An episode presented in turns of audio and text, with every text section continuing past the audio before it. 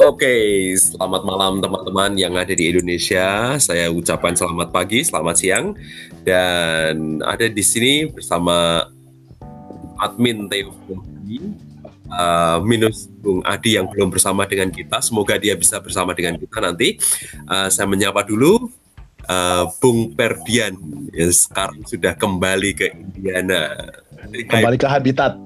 Selamat pagi waktu Indonesia, selamat malam waktu US. Iya, dan bersama dengan uh, kita Bung DS, Bung Daniel Siobeng yang ada di Malang. Say hi Bung. Lu, Mana di Bung DS? Bung DS? Oh iya, halo. Halo. ya, hanya itu. Nah, oke. Okay. Um, percakapan kita dalam vlog kali ini uh, rasanya kita yang praktis dulu aja deh ya. Kita ingin bersama-sama bicara mengenai apa sih pentingnya teologi dalam khotbah. Apa sih pentingnya teologi dalam pewartaan bar gitu. Apakah seorang pengkhotbah masih perlu belajar atau membaca buku-buku teologi? Apa signifikansi teologi dalam uh, teologi khotbah atau ketika kita menguraikan sabda? Nah, saya mau bersama-sama sharing ini uh, meminta pendapat dari Bung Perdian dan dan juga Bung DS ini kira-kira apa pendapat uh, Bung? Ini kan juga tahun baru ini ya kan? Uh, uh-huh. besok ini kita sudah memasuki hari Minggu dan minggu yang pertama uh, tahun yang baru. Dan kita perlu merefleksikan juga nih apa sih sebenarnya pentingnya teologi di dalam pewartaan Monggo Bung, siapa yang mau menjawab dahulu? Boleh Bung Berdian sebagai seorang pengkhotbah yang ternama. Se sembarang. DS dulu DS, ya? yang sebentar lagi jadi dokter. Belajar. Terkenal dengan khotbah-khotbahnya. Iya, iya. Nggak menentukan itu. Bung Berdian dulu sebagai praktisi mungkin. ya, saya mau bertanya dulu deh. Penting nggak sih sebenarnya teologi itu dalam anda itu mempersiapkan khotbah? Saya dulu ya berarti ya. Iya, boleh. Ya, ya. Oh ya penting sekali, penting sekali. Uh, kalau boleh berefleksi ya kan sederhananya kan teologi itu kan sebenarnya iman yang yang perlu untuk dinalar ya. Hmm. Uh, bagaimana kita menalar iman kan sebenarnya kan itu yang di, dimaksud dengan uh, teologi. Bagaimana kita menjelaskan iman dan tugas pengkhotbah kan juga itu ya sebenarnya ya bagaimana menjabarkan, menalarkan, menjelaskan tentang apa yang dipercayai kepada kepada jemaat. Mm-hmm. Uh, ya saya pernah membaca satu tulisan yang ini tentang Bonhoeffer ya, mm. uh, Dietrich Bonhoeffer dan terkenal sebagai teolog, filsuf, aktivis, tapi sang penulis bilang jangan lupa dia juga seorang pengkhotbah. Dan yang menarik penulis itu bilang begini, jadi kalau bagi Bonhoeffer uh, seorang teolog, seorang uh, filsuf, seorang exegete mungkin bisa tidak jadi seorang uh, pengkhotbah, tapi seorang pengkhotbah harusnya harusnya juga jadi seorang teolog, oh. seorang exegete dan juga seorang uh, filsuf. Menarik. Artinya mu muara muara dari muara dari uh, semua penalaran penalaran tadi adalah khotbah. Uh, penalaran iman lewat teologi, lewat eksegetika itu harusnya lewat khotbah. Nah, saya tertarik dengan pendapat atau pertanyaan yang dipanti uh, Bung Nindyo tadi ya. Masih relevankah teologi dalam khotbah? Nah, karena kalau bagi Bonhoeffer sendiri, wah itu tidak masuk akal. Hmm. Kita mau menalar apa kalau begitu? Kita mau menjelaskan apa? Kalau sebagai pengkhotbah tidak lagi uh, bergumul dengan menalar iman tadi begitu. Uh, saya ingat juga Bonhoeffer sempat kalau nggak salah ya karena saya waktu di saat juga uh, suka baca tulisan Bonhoeffer ya. Mm-hmm. Uh, dia kalau nggak salah juga sempat mengkritisi itu model-model pengkhotbah yang dia sebut suka untuk menjadi relevan begitu loh. Sekedar sekedar menjadi relevan. Nah, dia dia kan kritik itu kalau nggak salah itu. Uh, yang yang dia maksud pengkhotbah yang menjadi relevan itu bukan artinya kita tidak boleh relevan dengan zaman bukan itu maksudnya tapi hanya berusaha untuk terlihat catchy Hmm. Nah, ini dia kritik, dia kritik sekali itu. Nah, karena kalau menurut dia orang-orang seperti itu tidak lagi menggumulkan bagaimana menalar iman tadi. Jadi asal terlihat catchy, menari orang dan memberikan influence, ya puas begitu. Hmm. Dan itu yang takutnya ya Bung Nindyo ya. Mm-mm. Itu yang terjadi dalam dalam dunia kontemporer gereja sekarang begitu. Eh, kemasan ya, kemasan lebih dipentingkan daripada pesan. Hmm. Ya mungkin itu dulu dari saya. Menarik. Bung DS. Ya, kalau saya sendiri karena dibanding dengan Bung Ferdian ya, Hmm. saya ini lebih seperti jemaat awam gitu. Ucu. Jadi saya lebih lebih banyak mengobservasi khotbah gitu mungkin. Krit, Nah mengkritik kalau ya. dari Iya, kalau kalau dari saya sendiri saya melihat sering kali eh, khotbah-khotbah yang terdengar itu nyaris tidak bisa dibedakan dengan apa yang dianggap umum berlaku normatif di masyarakat ya. Jadi kadang-kadang saya bertanya-tanya sebetulnya apa yang membedakan konten dari khotbah-khotbah yang kita dengar di mimbar itu dari apa yang kita dengar sehari-hari di televisi, di media, di lain sebagainya. Mungkin Kalau apakah terlalu banyak informasi seperti berita atau lebih bukan kontennya, Atau mungkin atau mungkin Bung seperti mo- motivator gitu ya. Motivator ya. Eh, ya itu salah satunya. Tapi maksud saya kontennya itu seperti begini loh, seperti apa yang sudah diajarkan kepada kita sejak kecil di SD. Jadi Ah, kamu jadilah eh, warga negara yang baik, Oh, yang menjalankan fungsimu dengan baik di masyarakat. Tuhan sudah tempatkan kamu dalam posisi apa pun di masyarakat, syukurilah, lalu kerjakan yang terbaik dari sana. Nah, dengan cara itu kamu akan memuliakan Tuhan. hmm. Jadilah suami yang baik dalam keluarga, istri yang baik dalam keluarga, didiklah anakmu menjadi warga-warga negara yang baik juga. Taatlah pada pemerintah, cintailah NKRI. Ini kok malah kayak kampanye. Lalu Tapi- kalau ka- lalu kalaupun ada yang masih kurang dalam hidupmu, syukurilah. iya.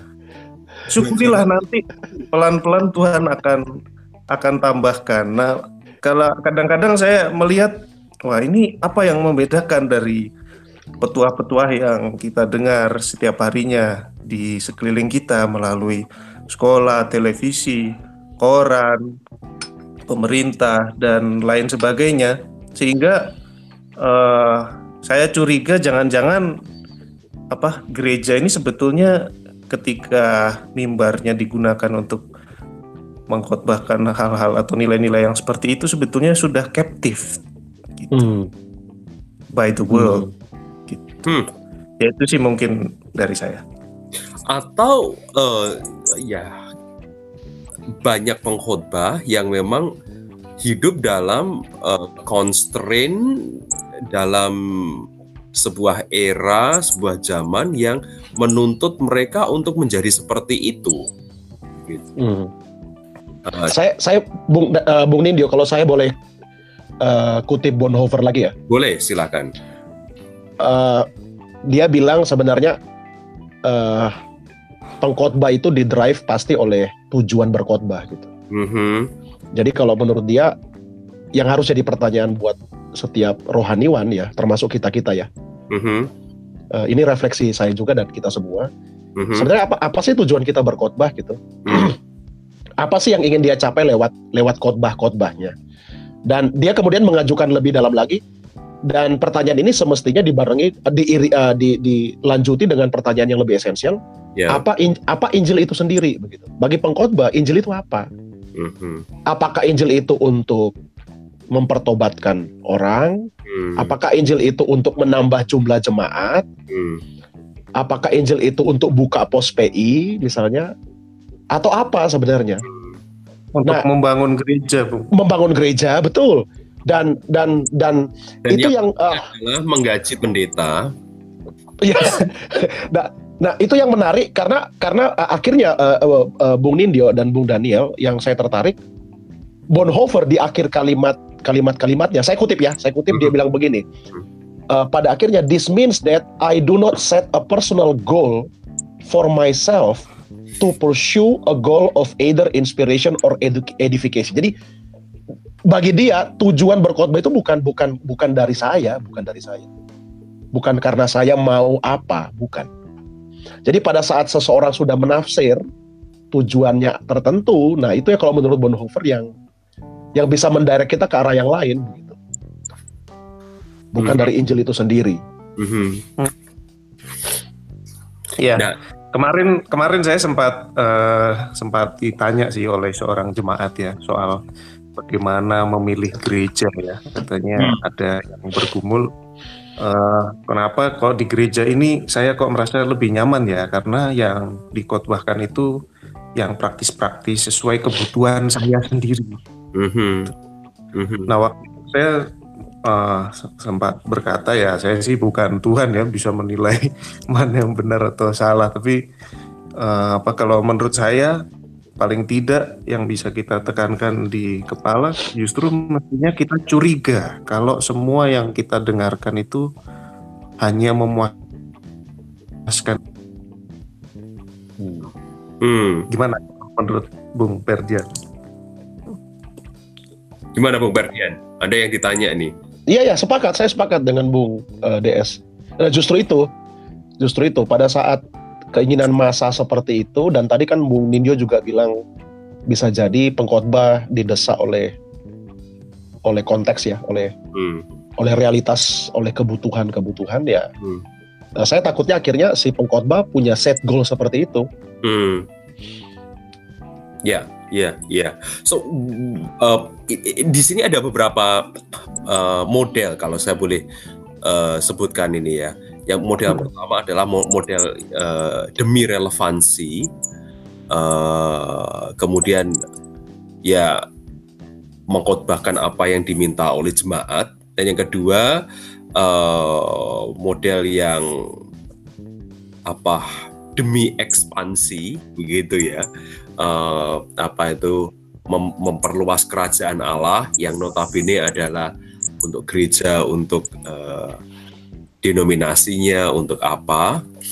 Lalu yang ketiga uh, ini yang tadi berdasarkan Injil yang yang yang kita bersama-sama coba mengulik bersama ini yaitu uh, apa sih sebenarnya esensi Injil itu yang Bung Perdian uh, kutip dari Bonhoeffer dan juga uh, yang Bung DS juga kegelisahannya coba diungkapkan di sini apa yang membedakan mimbar gereja dibandingkan dengan hmm. berita-berita yang tiap hari kita itu dengar. Nah, uh, dari tiga model ini yang saya tangkap ada bisa ditambah lagi nanti silahkan. Um, dari model-model ini uh, kita kemudian mungkin langsung bertanya aja, lalu bagaimana nih? Bagaimana yang uh, seharusnya? What is the gospel? Apa yang Injil yang harusnya dibawa dan khususnya untuk tahun yang baru ini? Bagaimana menurut Anda Anda Wah, yang Bung DS dulu lah. Buat saya, ya kalau kalau kalau kalau dari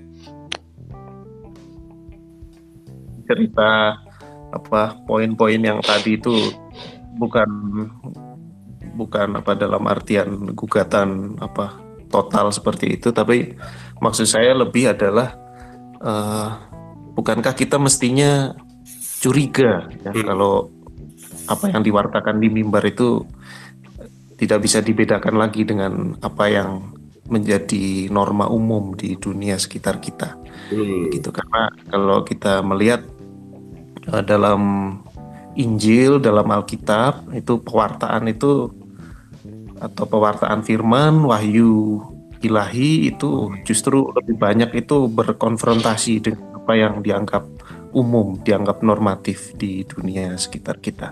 Hmm. Itu sih mungkin dari saya. Bukan bukan terus selalu mencari-cari pokoknya apa yang berbeda dari dunia gitu ya pokoknya dunia ke mana nah saya ke tempat yang lain gitu hmm. bukan seperti itu juga ya bagi saya tapi paling tidak itu mestinya menjadi pertanyaan bagi Berbedanya adalah kita pakai Alkitab. Untuk legalisasi. Nah, kalau kalau Bung Perdian bagaimana? Apa yang membedakan, Bung? Iya, saya kalau saya sih mungkin ingat cerita jemaat ya. Ya. Uh, waktu saya sedang di Papua itu ada seorang jemaat yang uh, pernah cerita ke saya. Uh, dia ke satu gereja. Mm-hmm. Nah, yang menarik pada saat di gereja yaitu uh, emosi meluap-luap Hmm. dan benar-benar exciting begitu ya. Mhm. Khotbah itu semangat begitu, tapi yang menarik begitu pulang dia cerita tidak terjadi apa-apa begitu. Dia tetap tampar istrinya, Hmm. eh, dia tetap hajar anaknya, tetap maki-maki dan sebagainya begitu. Nah saya tertarik tadi dengan yang Bunda Daniel sampaikan karena akhirnya dia dia cerita ke saya, eh, misalnya contoh khotbah-khotbah yang disampaikan, khotbah-khotbah yang memang eh, itu ya seperti motivator ya, menyenangkan begitu, sangat menyenangkan, tidak berkonfrontasi dengan realitas begitu. Dan saya juga pernah ingat ada seorang yang pernah sharing gitu ya. Oh, saya juga pernah, saya juga pernah sebenarnya ada pengalaman. Pengalaman, Cak. Boleh cerita ya? Boleh, silakan, silakan. boleh Pengalaman, boleh pengalaman pribadi. Jadi ini menarik. Eh kalau tadi Bung Daniel bilang soal konfrontasi ya. Eh, satu waktu saya pernah melayani begitu, kemudian eh, dalam dalam eh, dalam khotbah begitu ya di tengah-tengah khotbah itu eh, ini bentuknya seperti melingkar begitu ya. Kemudian ada dua orang anak muda ini saling berbicara ini seberang menyeberang. Oh, Nah, saya cuma ingatkan sebenarnya, saya cuma ingatkan eh, dengan sangat ramah begitu ya, dan tetap ngobrol begitu.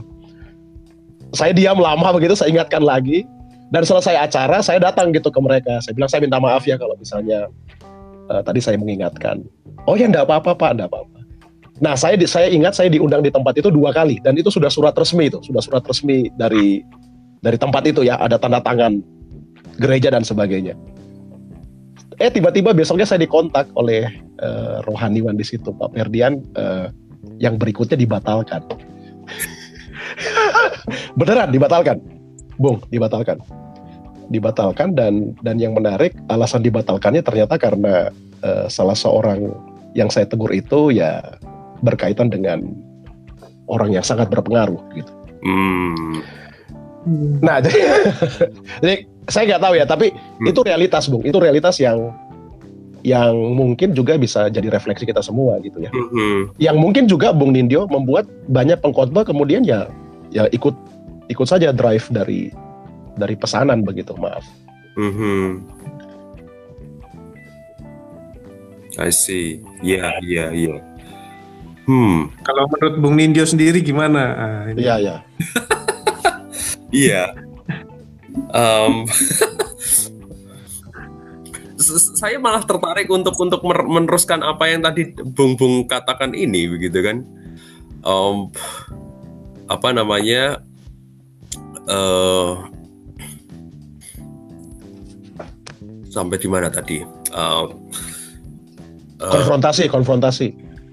Iya, um, berita ya, berita ya. M- mungkin orang akan bertanya kepada kita bertiga, ya kita bertiga ini kan bukan orang-orang gereja, tapi kami yang bergumul itu. Iya, betul. Gitu. Betul. Betul, betul. Orang gereja, kami yang tidak.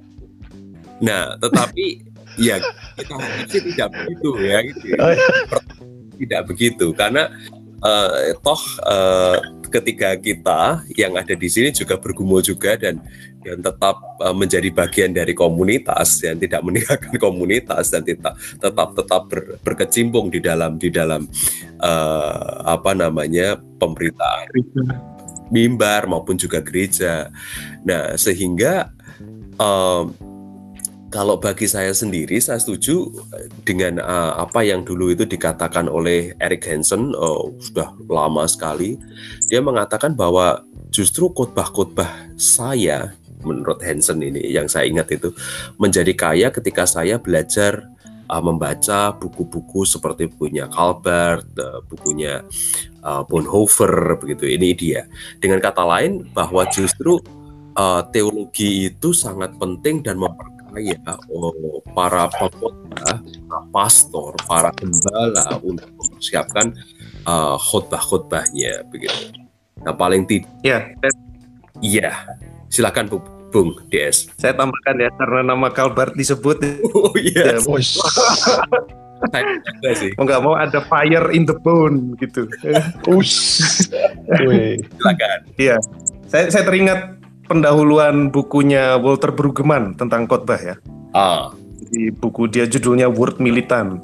Itu, aha, uh, pemberita firman yang militan. aha, Itu dia menceritakan di pendahuluan itu bahwa waktu di seminari aha. dia itu dapat nilai paling jelek dalam urusan berkhotbah. Oh ya, Padahal kalau sekarang kita lihat di YouTube khotbahnya bagus kan. yap. Ah, nah, sampai apa? Sampai dia kemudian dalam proses itu belajar perjanjian lama, kemudian dipertemukan dengan Gerard von Rath Aha, tentang tentang preaching di Aha. bagian pentingnya preaching di Deuteronomy dan lain sebagainya. mhm. Terus dari situ katanya dia diperkenalkan dengan dunia khotbahnya Kalbar. wow, Nah katanya itu itu yang sangat menginspirasi dia. Jadi kalau saya tarik kembali ke tema kita di awal teologi dan pewartaan firm, pewartaan mimbar ya, kita bisa bilang memang dalam teologi Calvert itu khotbah itu sangat penting. Jadi dan tidak bisa dipisahkan dari tugas berteologi exactly, exactly. karena karena dogmatika itu dia definisikan sebagai refleksi kritis atas proklamasi. Yes, gitu. Jadi penekanannya lebih pada proklamasi ya. Kalau yes. di teologi kebebasan kita sering dengar critical reflection on on praksis gitu. Ini lebih ke proklamasinya. Hmm, Tekanannya di proklamasi mhm. dan proklamasi itu bahkan Mana nih Bung DS? dan dari pewahyuan ilahi. Bung, tadi proklamasi itu bahkan terhapus. Proklamasi itu bah Proklamasi itu bahkan jadi bagian dari pewahyuan ilahi. I Di situ dia mengikuti tradisi reform dari Bullinger ya. Ya, ya, ya. yang apa menyamakan khotbah itu dengan dengan Revelation. apa momen pewahyuan. Aha, aha. Jadi penting sekali dan bahkan dogmatika itu juga muaranya adalah khotbah. Hmm. Jadi apa khotbah itu direfleksikan secara kritis melalui dogmatika. Artinya tanpa khotbah itu dia nggak bisa berdogmatika, Mhm, tapi juga tanpa khotbah mhm, dogmatikanya itu tidak akan bermuara. mhm, Nah, itu tambahannya. Ya sama seperti Bonhoeffer tadi sebenarnya. Ya, Sama lah mereka itu. Nah, Iya, Nah. malah.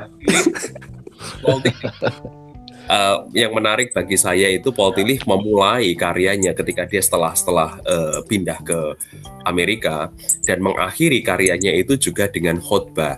Khotbahnya yang terkenal pada awal karirnya itu kan you are accepted.